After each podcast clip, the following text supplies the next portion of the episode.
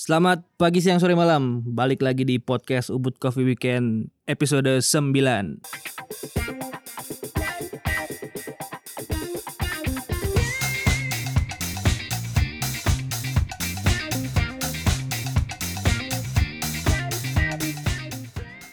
Kita akan ngobrol soal culture, budaya, pariwisata, sastra, dan masih banyak lagi karena seseorang yang saya ajak ngobrol ini punya experience dan wawasan yang luas di banyak hal. Selamat pagi, siang, sore, malam, Cok Gede Bayu. Sukses banget Niki sudah memberikan kita waktu untuk ngobrol-ngobrol di suasananya santai mantan tuh. Nggih, ngiring ngiring. Yang ngobrol santai soal kenapa Ubud itu berbudaya, kenapa orang-orang ke sini. Nah, itu mungkin kita bisa angkat di podcast kali ini. Punapi gatre, cok deh. Nggih, becik lah. Ya, penepi gatra. Ucik, ucik. ya, kantong agak sedikit kering aja sih. Iya, sami kenton. Sami ketan. Yang penting kena tuh. Eh, nggih. Punapi gimana kesibukan belakangan niki? Kesibukan belakangan masih seputaran keluarga saja karena baru tiga bulan yang lalu diberikan anugerah kembali oleh Ida Betaro gitu ya. seorang putra gitu jadi disibukkan pada waktu bersama keluarga selebihnya juga sibuk di kampus penelitian-penelitian kemudian dalam gelaran Ubud Real Weekend juga yang acaranya setiap Sabtu dan Minggu masih seputaran itu saja sih sibukannya Sibuk sekali rasa-rasanya. Dengar-dengar Code Bayu niki seorang dosen ya bukan? Betul semenjak tahun 2016 itu Titiang Ngayah ring Universitas Hindu Indonesia di Fakultas Ekonomi Bisnis dan Pariwisata ini nomenklatur barunya kalau dulu namanya Fakultas Ekonomi Universitas Hindu Indonesia jadi muncul nomenklatur baru namanya Fakultas Ekonomi Bisnis dan Pariwisata Bisnis dan pariwisata. ya sambil lah ya. Sambil nih. Wenten passion ngajar tapi gimana kok kenapa bisa ngajar? Kenapa bisa seneng jadi dosen gitu? Wah panjang ceritanya Niki. Eh, sebetulnya nggak ada hasrat ke arah itu gitu ya. Karena selepas pada waktu tamat SMA, saya cita-cita jadi dokter waktu itu. Cita-cita Jadi semua coba beberapa kali ujian seleksi nasional di Udayana, kemudian di Gajah Mada, Erlangga, sampai di beberapa universitas swasta di Jawa Timur. Tapi mungkin nggak nggak jodoh pada jalur itu. Kemudian saya coba di ekstensi namanya dulu di Udayana kelas sore, coba di akuntansi. Akhirnya di situ mungkin jalan ceritanya oleh Tuhan dikasih kesempatan mengenal ilmu akuntansi. Ceritanya unik juga di akuntansi karena saya basicnya IPA dari SMA ya. Pada waktu kuliah pertama saya sekelas sama orang-orang yang dari SMA sudah IPS, IPS. ditanya eh, debit kredit ya, kas bertambah di mana di debit atau di kredit gitu. Kemudian kalau terjadi pendapatan barang jurnal akuntansi gimana semua udah jawabnya cepat gitu. Sedangkan pada waktu itu kita hanya bisa bengong saja apa ini gitu ya. Sampai kemudian waktu 2 tahun 9 bulan pada waktu itu saya sudah tamat S1 seperti mungkin kebanyakan mahasiswa yang lain gelar sarjana ekonomi di belakang kemudian masuk ke bursa kerja disuruh buat laporan keuangan nggak tahu gitu. setelah itu kemudian nggak menunggu lama sih ketika tamat 2009 saya langsung masuk di program studi magister akuntansi di Udayana nah ini uniknya kalau S1 kuliah 2 tahun 9 bulan justru S2 nya 4 tahun gitu. Ketukar dah. akhirnya untung tamat gitu ya di magister ilmu akuntansi Universitas Udayana. Selepas dari sana saya kerja di kantor akuntan publik. Bagaimana sebetulnya praktik praktik di bidang akuntansi? Karena di sana ada jasa-jasa assurance yang yang diberikan kepada klien jadi kita belajar audit di sana pegang kertas kerja kompilasi laporan keuangan sampai beberapa kali juga sempat melakukan jasa perpajakan kepada klien gitu. Ya di sana kurang lebih waktu sampai empat tahunan. Waktu itu ada teman orang tua gitu ya, teman ayah dahulu nggak coba ngajar gitu karena kan memang orang bisa ngajar strata satu waktu itu kan harus tamat S2 ya. Isi kelas di Unhi pada waktu itu masih namanya dosen tidak tetap. dosen tidak tetap ngisi kelas malam sambil paginya saya kerja di kantor akuntan publik gitu. Nah ternyata memang jalurnya tidak di ranah profesi karena pada waktu itu mungkin saya merasa bahwa menjadi seorang akuntan publik itu tuntutan profesinya tinggi dan memang tes sertifikasi juga sulit memang. Kita harus melalui beberapa tahapan tes, kita putuskan ya coba serius di jalur ngajar saja gitu. Karena saya berhenti di kantor akuntan publik, kemudian ya kerja di Fakultas Ekonomi Universitas Hindu Indonesia gitu. Sangat jauh sekali dari image yang ada di luaran. Ternyata beliau adalah seorang akuntan. Karena banyak orang yang tahu Cok de Bayu Niki punya ketertarikan, punya uh, wawasan yang lebih di dalam culture, dalam sastra, sejarah, filosofi. Enggak, enggak, enggak, enggak, enggak, enggak, enggak terlalu begitu karena hobi saja. Karena hobi baca-baca sejarah gitu ya dan hidup di Puri kan memang memang tapi dididik, tapi apakah nih ke karena memang tinggal di lingkungan Puri yang menyebabkan Cok de Bayu punya ketertarikan di bidang nikah tapi karena memang suka baca aja orangnya. Persis seperti apa yang Murah sampaikan sebetulnya ya punya ketertarikan baca pasti. Kalau orang pengen tahu kan harus baca gitu ya. orang nggak bisa sampai pada sesuatu hal yang dia ketahui tanpa ada proses baca sebelumnya. Tapi yang lebih tepat adalah ketika sebuah peristiwa hidup sebetulnya. Saya ditinggal ayah itu usia yang sangat kecil sekali waktu itu. Pada waktu itu kelas 5 SD adik saya waktu itu kelas 1 SD ya. Karena usia 4 tahun pada waktu itu ayah meninggal. Dan sampai perjalanan hidup saya sampai sarjana begitu saya ya hanya diasuh oleh seorang ibu. Sampai saat ini sih memang yeah, yeah, yeah. merasa memang hidupnya berat itu sampai kemudian ada hal-hal yang kebanyakan orang bisa mendapatkan tuntunan dari seorang ayah begitu ya. Kalau bicara pengen tahu sesuatu apa ya nanya ke ayahnya. Tapi kalau saya harus ya baca buku dong gitu. nah di situlah letak ketertarikan. Apalagi kalau hidup dalam konteks puri itu kan banyak sesano atau etika yang harus dijalankan. Kita hidup pada tatanan ritual yang banyak gitu. Sehingga dari sana ya harus coba baca-baca juga sedikit sambil tanya-tanya ke para di situ awal ketertarikannya. Pada menarik sekali nih kalau kita membicarakan masalah culture Bali dan Ubud. Pertama yang yang mau tanyakan kenapa sih orang mau ke Ubud gitu padahal kalau kita berbicara masalah destinasi artinya di, dibandingkan dengan Kuta yang lebih populer pertama kan karena Kuta punya pantai. Pantai ya. Kuta punya pantai ada tempat-tempat lain yang punya spot-spot atau titik-titik yang lebih menarik sebenarnya dari Ubud. Namun pada kenyataannya kan Ubud merupakan salah satu yang populer juga. Nah menurut Code yang tinggal di lingkungan Puri Ubud ataupun yang sudah lama juga tinggal di, di Ubud ini apa yang membedakan dan kenapa kita masih menjadi salah satu destinasi yang menarik gitu. Mungkin saya dewasa itu saya sudah melihat adanya gemerlap pariwisata mungkin ya.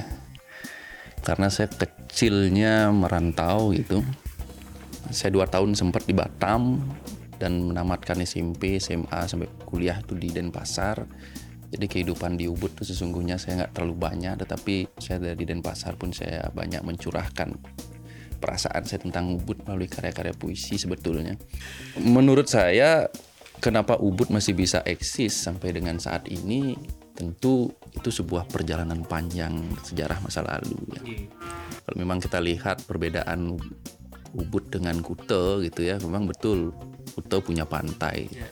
tapi Ubud kan juga punya budaya, yeah. ya budaya yang menjadi roh masyarakat di Ubud. Yeah. Nah, kemudian kebudayaan ini menggerakkan sektor-sektor ekonomi. Jadi kalau bisa mungkin rah lihat kehidupan ritual upacara di Ubud tentu dengan konteks pelaksanaan upacara di Bali Tengah di sini lebih sering hmm. Dan lebih terlihat uh, eksklusif karena adanya juga daya tarik sekaligus gitu menjadi sebuah daya tarik. Eh, perjalanan Ubud sendiri tentu nggak bisa dipisahkan dari perjalanan panjang sebuah perjalanan kalau kita lihat dari masa pemerintah kolonial ya.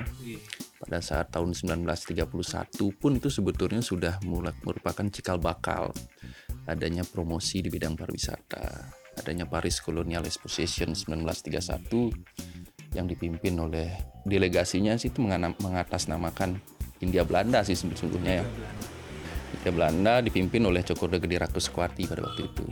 Presiden NIT mungkin yang terkenalnya orang kenalnya Presiden Negara Indonesia Timur. Itu beberapa seke-seke pelihatan berangkat pada waktu itu. Kemudian tuh klub saya juga ikut nari pada waktu itu. Klub itu ayahnya Kompiang ya. Iya, iya. Ikut juga berangkat ke Paris pada waktu itu. Itu dalam rangkaian promosi pariwisata berarti. Sebetulnya tidak promosi seperti seperti sekarang ini tetapi pameran pada waktu itu ya sepsat make ya seperti ceritanya awal mula orang tertarik lebih dalam menurut saya tentang Bali walaupun kedatangan para orang-orang asing sebelum itu juga sudah ada datang ke Ubud walaupun nggak banyak dalam sebuah catatan pernah saya rilis juga di salah satu media online saya temukan data bahwa pada saat 13 Juli, kenapa saya ingat 13 Juli karena ini hari ulang tahun istri pas. 13 Juli 1949 itu buku tamu pertama Cokorda Gede Agung Sukawati di Purisaren Ubud pada waktu itu. Eh, Pada waktu itu Rudolf Bonnet menyarankan pada Cokorda Gede Agung Sukawati, Agung kamu nggak bisa seperti ini, orang banyak tertarik dengan kamu untuk ingin datang ke Ubud kamu harus lebih serius dalam hospitality. Karena dulu kan orang datang diterima saja gitu. Nah jadinya tidak membuat buku tamu dan sebagainya. Nah pada waktu itu baru baru tercetus buku tamu yang pertama. 13 Juli 1949 saya lupa nama tamunya siapa tapi yang jelas pada hari itu ada tiga tamu yang berkunjung ke Purisaren dan menginap. Nah dari sana kemudian menstimulus juga beberapa masyarakat-masyarakat sesungguhnya di Ubud yang kalau kita kenal sekarang istilahnya kan homestay ya. Orang asing yang menginap di di Ubud gitu. di rumah penduduk itulah katakanlah demikian. Jadi pada tahun itu Nika adalah cikal bakal homestay yang yang sampai sekarang kita kenal berarti kalau menurut pandangan saya karena itu terkait dengan data yang saya memang temukan ya. Kan saya tidak temukan data lain di luar itu tapi rasa-rasanya kalau kita lihat kedatangan Space, kedatangan Bonet 1930-an sudah ada sebetulnya orang asing dan pasti dia bakal nginep di rumah Penduduk. penduduk dan tidak mungkin pada waktu itu tidak tidak ada hotel mungkin di Ubud ya. 1949 13 Juli itu memang cikal bakal rasa-rasanya karena di buku tamu Cukudo Gede Agung Sukawati itu sudah jelas sekali ada tiga nama turis pada waktu itu. Dan termasuk di sini pun juga di rumah saya belakangan juga ada tamu-tamu asing juga yang menginap. Nah, kalau kita ngomongin masalah budaya yang yang selama ini Ubud gaungkan sebagai salah satu poin menarik kenapa orang harus tinggal di Ubud. Menurut Code Bayu, apakah masih relevan kalau kita ngomong soal budaya gitu? Dan kalau budaya budaya budaya yang mana yang harus kita tonjolkan?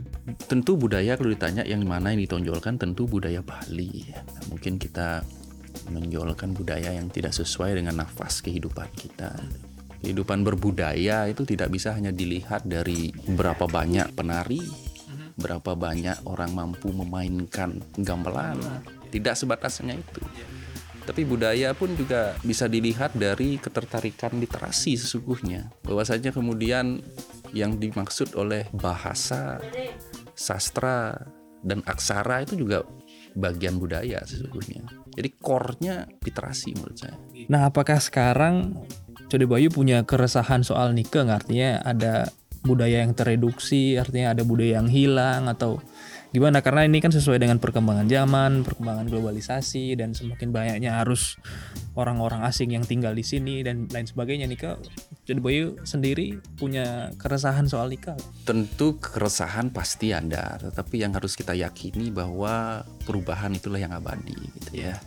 Sejauh mana masyarakat menyadari bahwa di zaman yang akan datang itu pasti akan timbul perubahan, tapi di satu sisi harus disadari juga bahwa perlu ada sebuah penguatan-penguatan pola pikir di di mata kita semua sebagai orang Bali, Ubud khususnya juga karena satu sisi kedatangan mereka buat sebuah gemerlap dolar, tetapi di sisi lain sebuah PR berat juga buat kita untuk selalu meng- mengukuhkan jati diri kita. Karena sudah terbukti sangkaneng budaya mampu mensejahterakan masyarakat Bali, khusus dan Ubud khususnya ya. Apakah Code Bayu punya program atau punya sesuatu yang ingin di-share ke masyarakat bahwa budaya adalah hal yang sangat-sangat penting untuk kita jaga sebagai roh orang Bali atau roh orang Ubud sekaligus juga untuk tetap mensustainability kedatangan-kedatangan wisatawan gitu. Karena kan kita melihat ini gejolak-gejolaknya sudah mulai muncul gitu. Artinya dari sisi anak muda juga mungkin sudah mulai jenuh, sudah mulai apa dengan hal yang berbau ritual, agama. Sebetulnya menjawabnya agak berat ya karena sesungguhnya kalau ritual dianggap sebagai beban begitu ya uh, tentu ke depan yang harus ditonjolkan adalah makna filosofi dari ritual itu sendiri supaya tidak ritual itu saat dijadikan sebuah beban tetapi bagaimana masyarakat anak-anak muda mampu menggali lebih dalam makna-makna yang terkandung dalam ritual itu. Sehingga ini kekal sifatnya. Nah, berkenaan dengan program-program penguatan kebudayaan sesungguhnya kalau kita lihat keberadaan pemerintah provinsi Bali dengan meluncurkan beberapa produk peraturan gubernur yang terakhir ada Perda tentang desa adat itu sebagian usaha sebetulnya dalam rangka melindungi kebudayaan melalui skup yang lebih kecil namanya desa adat. Cara orang berpakaian sekarang peraturan gubernur juga sudah ada mewajibkan orang pada hari Kamis menggunakan pakaian adat Bali.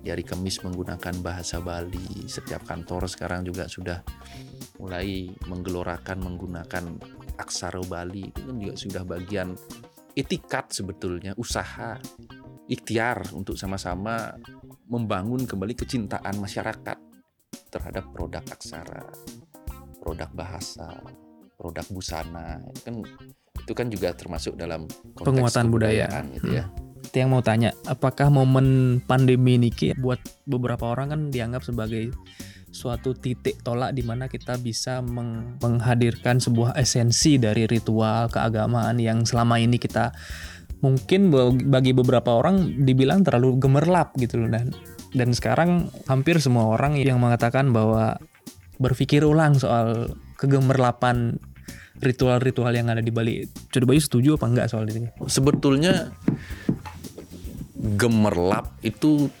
menurut pandangan saya tidak identik dengan expenses ya. Tapi gemerlap itu kaya makna seharusnya peristiwa pandemi cukup cukup memberikan sebuah pelajaran bagi kita semua gitu ya. Dan realitanya kita saksikan bahwa tidak ada seni pergelaran sekarang di Bali Benar. dalam jumlah masa. Di Ubud utamanya Bincak Saji Puri Ubud sudah terhenti empat bulan. Kemudian di beberapa pura-pura di Ubud juga tidak ada lagi uh, seni pertunjukan. Kemudian ritual upacara yang menggerakkan masyarakat banyak juga sudah tidak ada. Kita bisa lihat Pujo Wali di Besakeh saja tidak tidak didatangi oleh umat banyak. Iya. Di Ubud juga sama ritual pelaksanaan upacara yang seharusnya memperdudusan alit gitu nyatur ya diperkecil lah artinya disederhanakan dan yang sembahyang kemarin sempat hanya perjuru dan tetua desa saja masyarakat dihimbau untuk dari rumah masing-masing nah ini ada dampak kesehatan yang timbul tetapi momen ini apa yang seperti yang sampaikan tadi tentu kembali memaksa kita lebih dalam memahami konteks kebudayaan, yang mana konteks filosofi agama.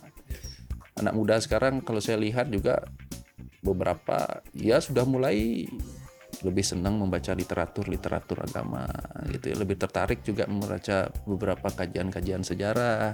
Mungkin karena nggak ada kerjaan mungkin di rumah gitu. Yeah, yeah, yeah. yang di browsing juga begitu-begituan. Dan geliat rebuk-rebuk sastra ini kan sekarang sudah mulai sudah mulai bangkit juga. Nah ini juga momentum yang yang baik bagi kita. Bersama-sama belajar bersama-sama belajar. Mendalami lebih dalam lagi esensi kebudayaan esensi agama Hindu Bali Gih, karena kalau dipikir-pikir yang orang-orang yang yang tahu orang orang asing ya bukan orang Bali mereka aja bingung kenapa kamu bisa menjalani ritual-ritual yang ribet seperti ini dengan sangat fun gitu. Sedangkan mereka lihat aja ribet gitu bahkan takut menjadi orang Bali kadang-kadang. Ataupun saya pernah punya kenalan bahwa dia sampai pindah agama demi menghindari ritual-ritual yang seperti ini. Nah, itu kan takutnya yang punya keresahan pribadi ke depannya akan banyak orang yang melakukan hal yang sama gitu. Mudah-mudahan nggak sampai ya. Tapi kan agama sesungguhnya adalah sarana menuju kepulangan sebetulnya, jalan menuju pegangan hidup sebetulnya. Karena di Bali kan memang erat pada konteks pelaksanaan ritual upacaranya. Tetapi sesungguhnya kan ada pakem di Bali tidak harus ritual itu dipandang sebagai sebuah beban dan mahal. Karena ada niste madya dan utama yang disodorkan oleh para penglingsir penglingsir kita. Nggak harus semuanya utama kok. Yang niste pun juga utama. Yang madya pun juga utama.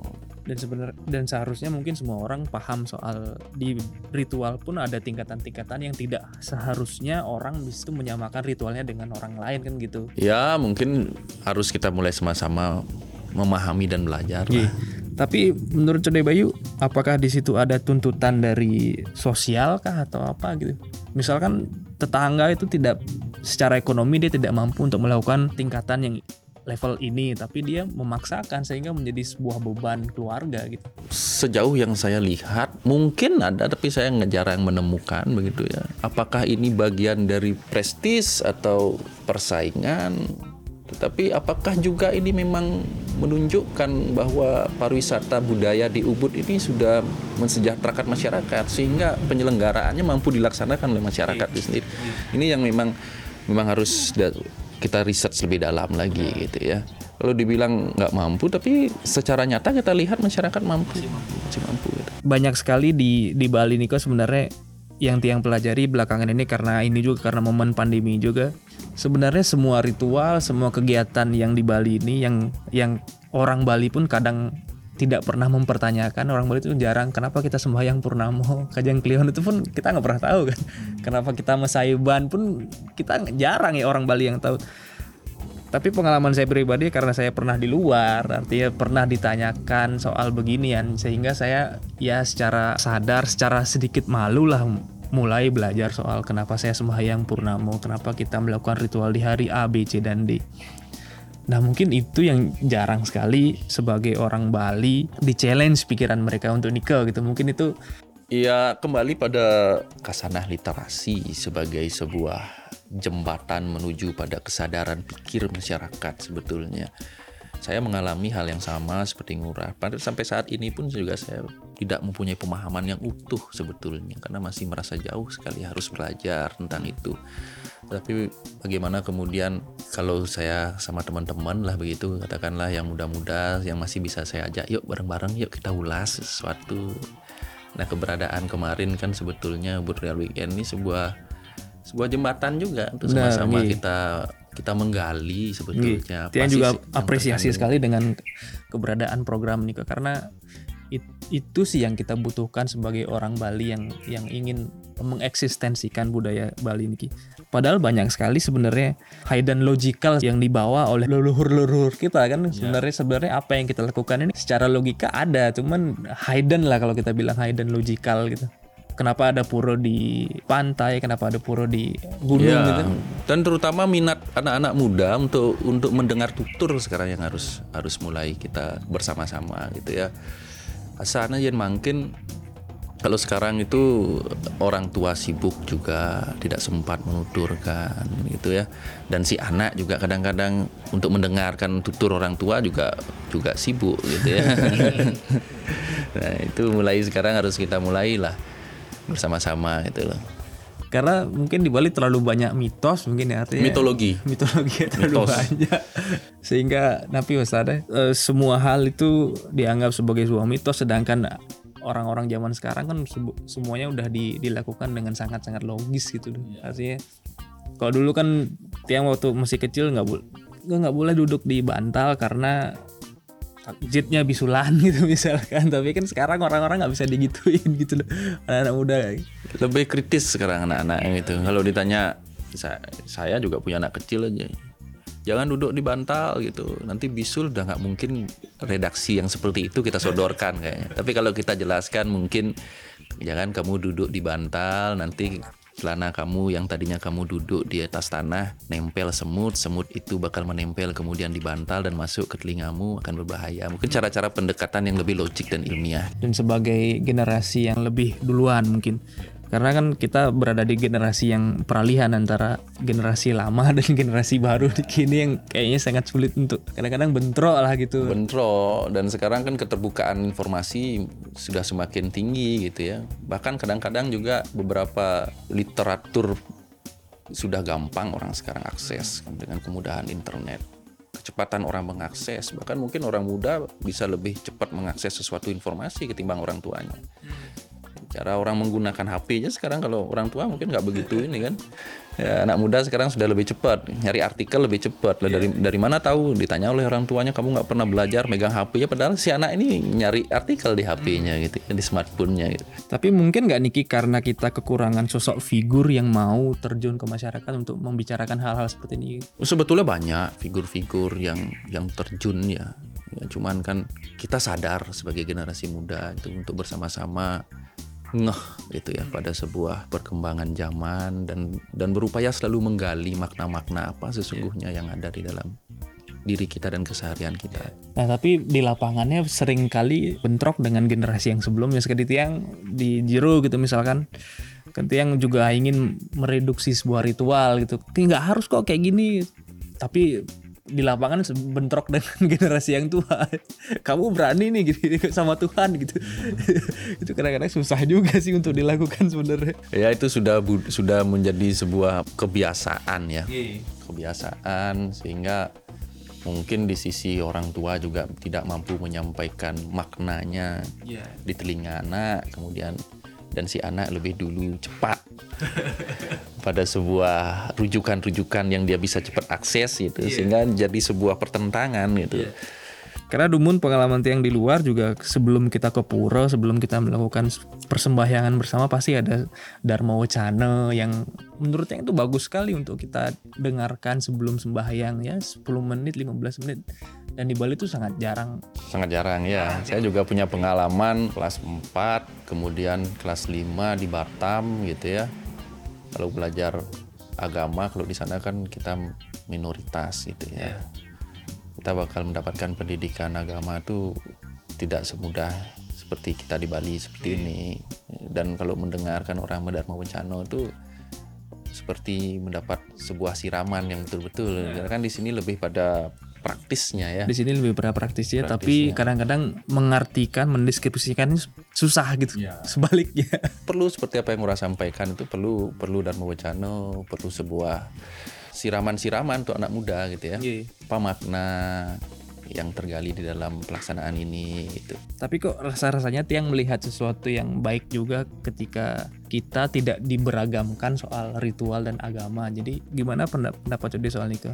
tetapi kalau sesungguhnya beragama menurut cara pandang saya karena mohon maaf juga saya nggak begitu paham sekali tapi yang satu yang kita harus yakini bahwa rujukan harus sebagai seseorang yang beragama naskah ya kitab gitu lah atau sastra di Bali orang mengenalnya.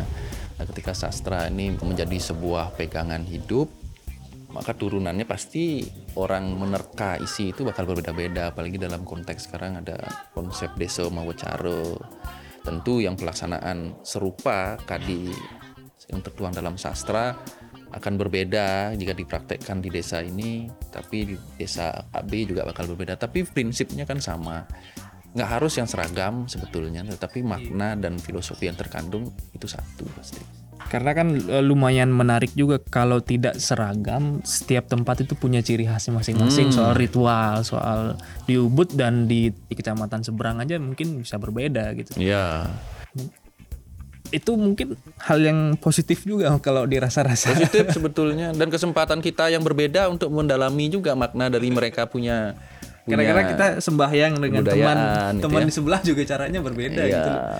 Tapi di satu sisi kalau dibiarkan terlalu berbeda sebenarnya apakah itu coba dianggap sebagai sesuatu yang liar gitu? sebetulnya nggak liar ya asal tujuan yang dimaksud sama cuman cuman eh, geraknya saja mungkin yang berbeda gitu ini kan kemampuan juga kita saling menghargai dan menghormati satu sama lain sebetulnya gitu ya pada koridor-koridor filosofi yang sama sebetulnya.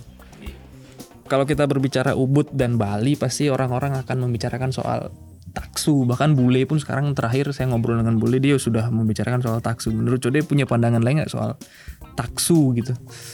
Saya nggak baca definisinya tetapi sesuatu yang dirasa memiliki sebuah nilai spirit.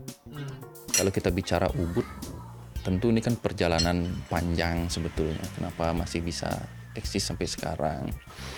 Beberapa beberapa naskah yang memang pernah saya kemudian baca ada campuan dijadikan sebuah titik gimana menggambarkan sesungguhnya taksu ubud gitu ya.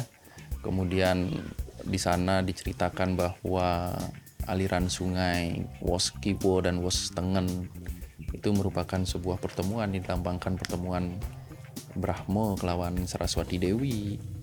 Pertemuan Purusa kelawan Perdana. Terus pertemuan Ida Betara ring Gunung Agung ketemu Ida Betari ring Batur. Itu kan bahasa-bahasa sastranya begitu ya. Tapi diyakini bagi masyarakat di Ubud bahwa memang taksunya memang ada di dalam pertemuan itu campuan itu gitu. dan sampai sekarang pelaksanaan ritual upacara di campuan baik itu di Pura Gunung Lebah sebagai ikon persembahan masih tetap terjaga hingga saat ini Nah itu mungkin yang memang bisa menjaga tak subut lah sampai sekarang. Ada hubungannya dengan yang bisa kita nikmati sampai sekarang nggak sih sebenarnya ritual-ritual ataupun taksu-taksu nih ke yang berhubungan dengan suasana, vibe. Ya kalau bicara taksunya, ini saya mengut, saya juga mendapatkan informasinya pada saat rembuk sastra yang kemarin ya. Hmm. Itu rembuk sastra kedua tentang jelajah wisata. Salah satu narasumber pada waktu itu dosen sastra Bali mengungkap bahwa makna wisata itu sesungguhnya adalah ketenangan jiwa. Ketenangan jiwa. Ya, ketenangan jiwa. Dia mengutip beberapa naskah-naskah sastra dari Tantri, ada Kekawin Ramayana, dan beberapa kemudian keguritan yang dibuat oleh beberapa tokoh-tokoh di Ubud di masa lalu yang pada prinsipnya ketenangan jiwa seseorang itu tampak pada sebuah karakter wilayah yang memang berkiblat pada satu hutan. Hmm. Kemudian sungai. sungai. Kemudian kolam. Nah, kalau kita lihat Ubud, taksu Ubud, kalau kita bicara sungai tadi kita bicara campuan. Bahkan ada karya-karya sastra dari Bali Tatul, Tremarsi Markandia itu mengungkap bahwa campuan ini merupakan sebuah areal suci yang banyak memiliki manfaat bagi masyarakat Ubud.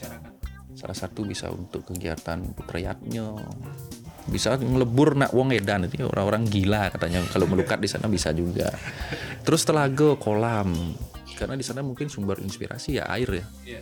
Kita bisa melihat keindahan dan dibayangkan dalam geguritan Rajendra Prasad yang dibuat oleh Joko Gedeng Murah itu bahwasanya beliau menceritakan telaga yang sangat indah di Ubud. Nah, ini ada di Pura Taman Kemuda Saraswati.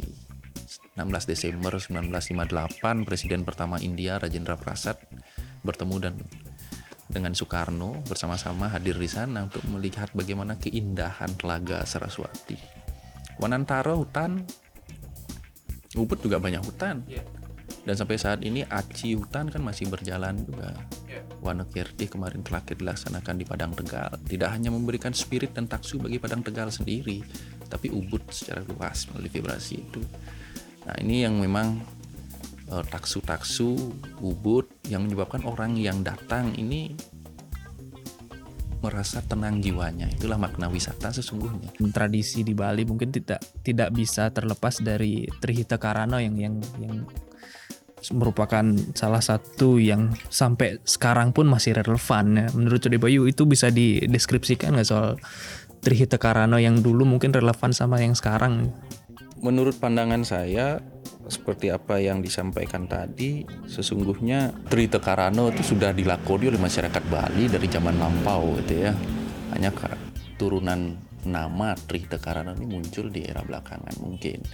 Bagaimana orang Bali sangat memuliakan dan memuja kebesaran Tuhan Yang Maha Esa. Jadi setiap tempat rumah tinggal pasti ada sangkah pemerajaan untuk bagian wujud sebetulnya bagaimana konsep pariangan itu muncul masyarakat Bali. Kemudian adanya konsep pekraman, desa pekraman, kemudian konsep menyamu berayo ini adalah bagian implementasi dari konsep-konsep pawongan sebetulnya dan apalagi kiblat pertanian di masa lampau air sebagai sumber kehidupan masyarakat Bali dan sampai saat ini pun masih dilakoni bagaimana masyarakat Bali itu sangat memuliakan alamnya dan ritual-ritual upacara di, yang memuja kebesaran Tuhan itu berkaitan dengan kesuburan dan kelimpahan hasil alam itu pun masih dilakoni sampai saat ini kan. Nah itu bagian dari implementasi Trita Karana sesungguhnya, apalagi di Ubud gitu ya. Konsep Trita Karana sendiri pun juga sudah menghadirkan dan beberapa karya disertasi. Kita lihat di Iden Agung Gede Agung di Leiden sudah bisa mendisertasikan tentang Trita Karana. Beberapa disertasi Trita Karana banyak. Itu dari sisi praktis. Kemudian dari sisi sastra atau literatur gitu ya kita kan kaya sekali masyarakat Bali sesungguhnya.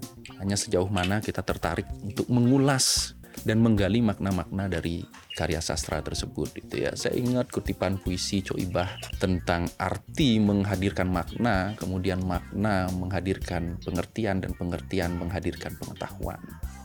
Bahwasanya esensi yang terakhir dari sastra atau literasi itulah bagaimana sesungguhnya turunan arti sampai makna pengertian menghadirkan pengetahuan bagi kesejahteraan masyarakat sesungguhnya gitu ya. Nah, itu mungkin yang yang bisa saya sampaikan dalam konteks kita berkehidupan dan berkebudayaan. Dari sisi praktis kita berkehidupan tapi dari sisi literasi juga kita harus lebih dalam menggali makna-makna. Dan sekarang tinggal masyarakatnya mau mengimplementasikan konsep tersebut gitu. Ya betul Gih, sukses mau Niki.